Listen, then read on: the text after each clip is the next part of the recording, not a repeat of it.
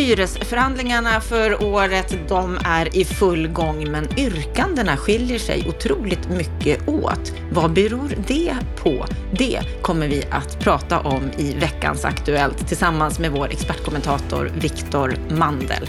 Vi kommer också att ta upp den nya utredningen Tryggare bostadsområden som innebär att det ska bli lättare att avhysa hyresgäster som begår grova brott också i närområdet, inte bara i lägenheterna eller trappuppgångarna. Om det här kommer leda till tryggare bostadsområden, det får vi se. Utredningen är just nu på remiss. Vi ska också ta upp Socialdemokraternas nya skuggbudget och att bostadsminister Andreas Karlsson i tisdags gav Boverket nya uppdrag. Vad kan de leda till? Mm, kanske inte så mycket. Varför då? Ja, det ska vi också prata om här i veckans Aktuellt ifrån oss på Bopolpodden. Varmt välkommen till en ny vecka. Jag heter Anna Bellman. Vi börjar veckans Aktuellt härifrån Bopolpodden med att utredaren Thomas Edling i onsdags lämnade över utredningen Tryggare bostadsområden till justitieminister Gunnar Strömmer. Och utgångspunkten är att man ska prioritera skötsamma hyresgästers intresse av att bo i ett tryggt område och det här innebär att det ska bli lättare att avhysa hyresgäster som begår grova brott. Och även om inneboende eller barn till hyresgäster begår brott så ska de kunna vräkas. Och det ska inte bara handla om brott som begås i lägenheten eller trappuppgången utan också i närområdet. Det här är just nu ute på remiss, men planen är att införa de här nya lagarna från den 1 januari 2025. Viktor Mandel, vad, vad säger du om de här förslagen? Ja, det här tycker jag är ett välkommet förslag och bakgrunden är väl ganska mycket att hyreslagen tar sikte på en annan tid än den vi befinner oss i nu. Eh, när jag tittar på det här så, så får man liksom en bild av ett 70 eller 80-tal när, när de primära problemen var att det drevs bordeller eller spelklubbar i, i lägenheter och att hyreslagen är liksom anpassad för hur får man ser man, eller hur ser man till att en fastighetsägare inte upplåter en lägenhet till en bordell? Och det är därför man har tagit så mycket fasta på att brotten ska begås inne i själva lägenheten. Problemet idag är ju ett helt annat. Det är ju att det finns ett stort problem med otrygghet i många bostadsområden och egentligen så ju större bostadsområdet är och eh, eh desto längre från stadskärnan det ligger, desto större är de här problemen. Så det här handlar ju om att många kan få det väldigt mycket bättre om man eh, kan öka tryggheten. Och då tycker jag att det här är välkomna förslag. Man tittar ju på både det, möjligheten att, att eh, säga upp avtal om, om någon begår brott och, och skapar, att, att det i sig är en störning så att säga. Eh, och det är bra om man tittar på eh, frågan med, med madrassboende, alltså om det är många inneboende. Och det finns ju ett legitimt skäl att ha inneboende, men inte hur många som helst. Och, och, här sätter man ju också ett förslag på att, att det måste vara en skälig mängd under en skälig tid egentligen. Så det är, är väl positivt. Sen är det också lite kul, det är ju en modernisering av vissa skrivningar i, i lagtexten som, som man föreslår också, där man byter ut honom mot denne och eh, säger att man ska inte betala hyran på ett postkontor och, och andra saker. Så det här var väl en, en välkommen modernisering av hela, hela hyreslagen tycker jag. De som är kritiska till det här menar att det blir någon form av kollektiv bestraffning, det vill säga att hela familjer kan vräkas om ett barn begår brott i ett närområde och föräldrarna då inte har gjort tillräckligt för att förhindra det. Kan du förstå den kritiken? Nej, det tycker jag inte, för att här, här får man se att eh, skadan som uppstår genom att, eh, att vissa då hyresgäster eller, eller närstående till hyresgäster skapar störningar i form av otrygghet i området den skadan är mycket större än, än skadan för den enskilda att de behöver flytta därifrån om de, om de har stört mycket. Så, så det tycker inte jag är, är något konstigt. Sen kan man ju ha en viss, liksom, jag tycker alltid att det är intressant att se vad, vad, vad är fastighetsägaren och hyresvärdens ansvar?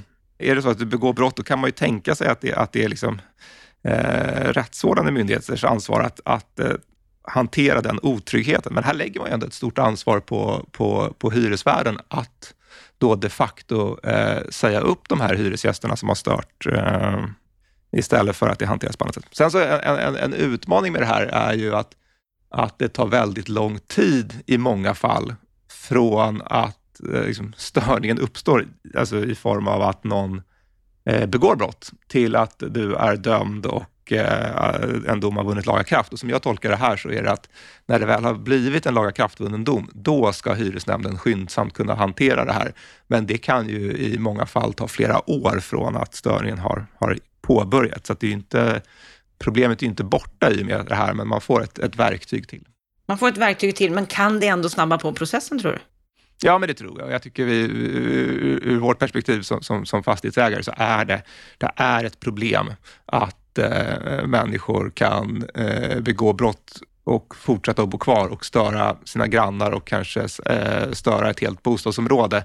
Och, och sen så säger man att ja, men ni har inte begått brottet i själva lägenheten eller lägenheten har inte varit en väsentlig del i, i brottet och därför så, så får man bo kvar. Så det, jag tycker det här är för mig självklart att det här ska komma igenom. Mm, vi får se. Det är ju just nu ute på remiss så vi får se om det är så att det går igenom. I veckan så kom Socialdemokraterna med sin skuggbudget och där föreslår de ett produktionsstöd på 3 miljarder som ska gå till orter som har stora industriinvesteringar på gång och även till orter som behöver fler studentbostäder. De föreslår också en statlig byggkredit på 5 miljarder kronor per år. Ja, Viktor, det här kan man ju nästan titta på som att det är en form av tidigare investeringsstöd. Hur ser du på de här förslagen? Ja, det är ganska riktigt. Det, det, positiva med det här är ju att Socialdemokraterna här har identifierat att vi har en utmaning med nyproduktionen av bostäder. Att den har sjunkit väldigt kraftigt och det är svårt att se vad som skulle eh, få fart på verksamheten igen. Sen kan jag ju tycka att det här är förslag som, som löser problem som inte är så stora eller som inte är så avgörande. Om vi, om vi börjar med, med det här med industri, eller orter med industrisatsningar så är ju en grundfråga om det här är långsiktiga behov som man kommer tillgodose med, med bostäder på de orterna. Det är ju ganska mycket oprövade industrier som man pratar om att etablera och man vet inte riktigt hur mycket människor som kommer behövas under hur lång tid. Hade marknaden varit övertygad om att det här var en långsiktig efterfrågan på bostäder i de här orterna, vi kan prata om Boden eller Skellefteå eller något sånt där, då hade det nog inte varit ett så stort problem att bygga där. Nu, nu tolkar jag det som att och, och, och, jag har själv spenderat mycket tid i, i Skellefteå och Kiruna på sista tiden, och, eller sista åren, och för att titta på de här marknaderna. Och, och det som jag landar i är att jag, jag behöver nog ha ett ganska mycket högre, en högre avskrivningstakt på, på hus eh, i de marknaderna, för att den underliggande efterfrågan är svår att bedöma. Alltså den är stark nu på grund av de här satsningarna, men hur kommer det se ut om 14 år eller 34 år? Och det gör att jag skulle behöva skriva av tillgångarna i en högre takt och därför ha ett högre direktavkastningskrav. Och, och eftersom det kostar ungefär lika mycket att bygga eh, överallt i Sverige så behöver jag ha en högre hyra för, för att hantera det. Och då är frågan om, om, om eh, hyresgästerna idag är beredda, eller som finns där, är beredda att betala den hyran. Och, och här skulle man brygga det med, statlig, med statliga bidrag och, och, i min värld så är det då stöd som är mer eller mindre direkt riktade till, till de här som driver investering eller industrisatsningarna. Och det tycker jag väl man kan, kan ifrågasätta om det är det bästa sättet att använda skattepengar. Men, men, men det är bra att man tittar på, på bostadsmarknaden. Och den här frågan med, med eh, statligt kreditstöd, eller vad man ska säga, för, för nyproduktion. Det kanske är, är intressant. Jag förstår inte riktigt hur det ska gå till. Man pratar om att staten ska låna ut 20 procent, upp till 20 procent av, av produktionskostnaden. Man ska sänka den finansiella risken och kostnaden. Och eh, att sänka den finansiella risken innebär ju någon form av garantiåtaganden som jag tolkar det. Och sen så ska kostnaden sänkas och eh, räntekostnader är ju en ganska liten parameter i nyproduktion. Pengarna är inte utlånade under särskilt lång tid av, av byggprocessen eh, har inte så stor räntenivån har inte så himla stor betydelse för lönsamheten i det, i det enskilda projektet, utan det är andra parametrar. Bygg, byggkostnader, markkostnader, eh, anslutningskostnader, efterfrågan på lägenheterna framför allt då, som, som, som är viktiga. Så att, eh, jag tycker att det är intressant att man börjar titta på de här sakerna, men jag tror att det finns bättre eh, områden att rikta insatserna mot. Mm. Vi får se om det leder någonstans. Vi ska gå vidare till att bostadsminister Andreas Karlsson i tisdags gav Boverket två olika uppdrag. Dels att de ska se över regelverket för ändring av detaljplaner och olaga planbestämmelser och dels att de ska ta fram en vägledning för arbete med exploateringsavtal. Vad säger du om de här två uppdragen? Hur betydelsefulla är de? jag tror inte man ska överdriva betydelsen av de här uppdragen, men, men det är väl uppenbart att det är alldeles för komplicerat och tidskrävande att göra nya detaljplaner idag eller att ändra i befintliga. Så att alla förslag som tittar på hur det kan bli effektivare är välkommet. Kan de leda till något då? Ja, men, men på marginalen no någonting kanske. Och, men jag tror ju att en av anledningarna till att det byggs för lite är att planarbetet går att göra otroligt komplicerat. Och vi hade diskussioner här i, i, i podden för, för några veckor sedan med vilka kommuner som driver planarbeten väldigt snabbt. Så det är uppenbart att det går att driva planer snabbt, men på de ställena där det är lite kontroversiellt eh, att bygga så blir det oerhört komplicerat att, att driva plan och täcka in alla de parametrar som, som man ska för att eh, klara överklaganden. Och det, det påverkar såklart byggtakten och tillgången till, till byggbar mark.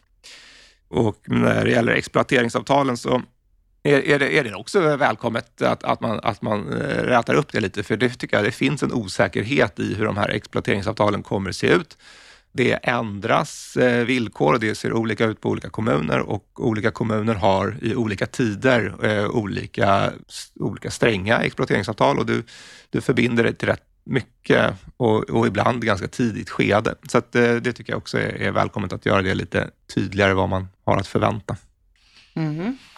Bra att det kommer olika uppdrag, men vi får se vad de egentligen leder till. Vi ska gå vidare till hyresförhandlingarna nu och ta ett rejält grepp om det, för nu har ju de kommit igång på riktigt. En del aktörer har kommit med yrkanden och fastighetsägarnas yrkanden de ligger på mellan 10 och 12 procent på många ställen i landet och framtiden som är allmännyttan i Göteborg, de ligger på 6,95 procent. Och för några dagar sedan så kom det ett väldigt stort yrkande ifrån kommunala Gotlandshem på 17,53 procent. Vad säger du om, om den nivån, Viktor?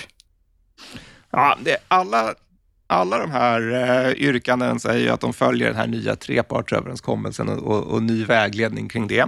Och sen så har de ju valt att tolka var man lägger sina yrkanden lite olika. Så när, jag, när jag tittar på Gotlandshem så är, är min uppfattning att de har tittat på kostnadsdelen, så att säga. I hur mycket har kostnaderna gått upp för att förvalta fastigheter på Gotland? Och då menar de att det har gått upp med 17 0,53 procent. Och det har jag inga, inga svårigheter med. Jag tror att kostnaden, det är där någonstans. Det är runt 15 till 20 procent som, som kostnaden att förvalta fastigheter har gått upp.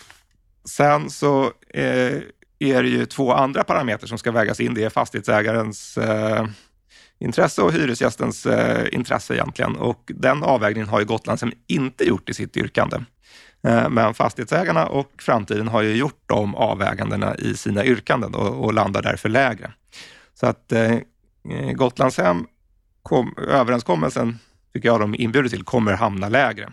Men, men de andra har ju så att säga gjort en helhetsbedömning också. Så det är därför det är så stor skillnad på framtiden och Gotlandshem? Att Gotlandshem inte har tagit med allt i sina beräkningar?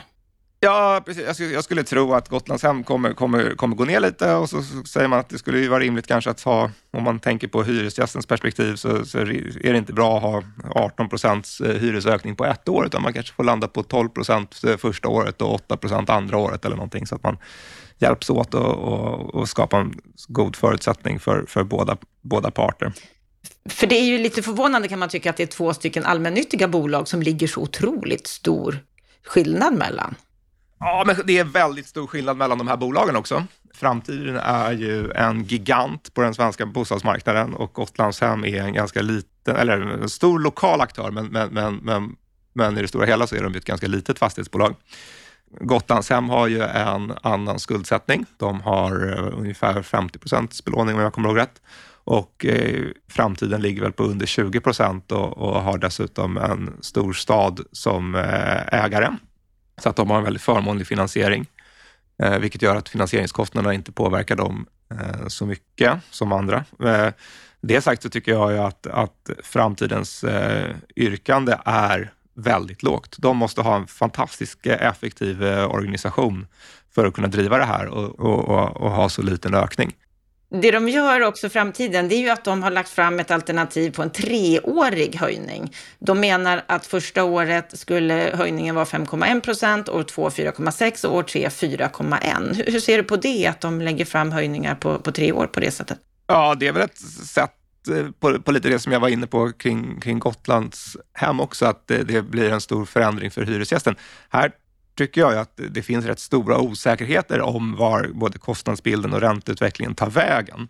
Och då känns ju det här treårsförslaget från framtiden som oerhört attraktivt eh, ur hyresgästernas perspektiv. Hur unikt skulle du säga att det är att, att göra på det sättet? Att komma med ett, med ett treårsförslag, alltså det har ju, eh, fleråriga hyresöverenskommelser har ju förekommit eh, många gånger, så att det skulle jag säga, det är inget eh, unikt i, i sig. Mm, kanske någonting vi kommer att få se mer av. Eh, fastighetsägarna i Stockholm de har i ett blogginlägg förklarat hur de kommer fram till sitt yrkande på 12 procent. Där går det igenom alla parametrar som kostnadsökningar för taxer, förvaltningskostnader och räntor. Och så beräknar de den ekonomiska utvecklingens påverkan med BNP och inflation.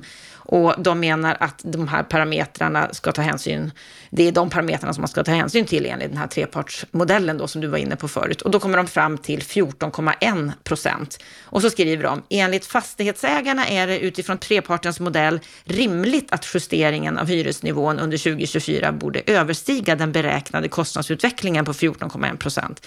Till följd av hushållens nuvarande svaga inkomstutveckling så har fastighetsägarna valt att justera ned sitt yrkande till 12 procent, trots att den nedjusteringen inte med självklarhet kan motiveras av modellen.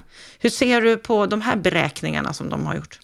Ja, jag tycker att det är rimliga beräkningar i grunden. Sen så eh, när jag läser det här så tycker jag att det är tydligt att fastighetsägarna anstränger sig för att komma till en så låg hyresökning som möjligt. Och, och som fastighetsägare så kan jag ju tycka att det är lite tveksam eh, metod. Jag, jag, de, man använder en väldigt låg viktning för, för räntekostnader till exempel. Jag tror att de ligger en, viktar den på till 14 procent. Jag kan se ur, ur, ur, vårt perspektiv som ett eh, bolag som har många nybyggda hus men, eh, och en belåningsgrad på ungefär 40 procent så är räntekostnaderna i dagsläget mycket, mycket större än 14 procent av vår kostnadsvikt.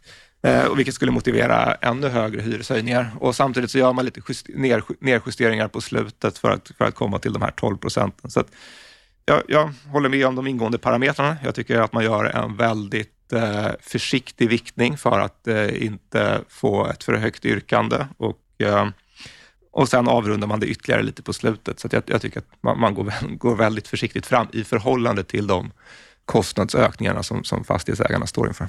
Det här är ju någonting som inte riktigt Hyresgästföreningen håller med om. Att man går försiktigt fram. De tycker att det här är väldigt, väldigt mycket. Hur ser du på deras argument?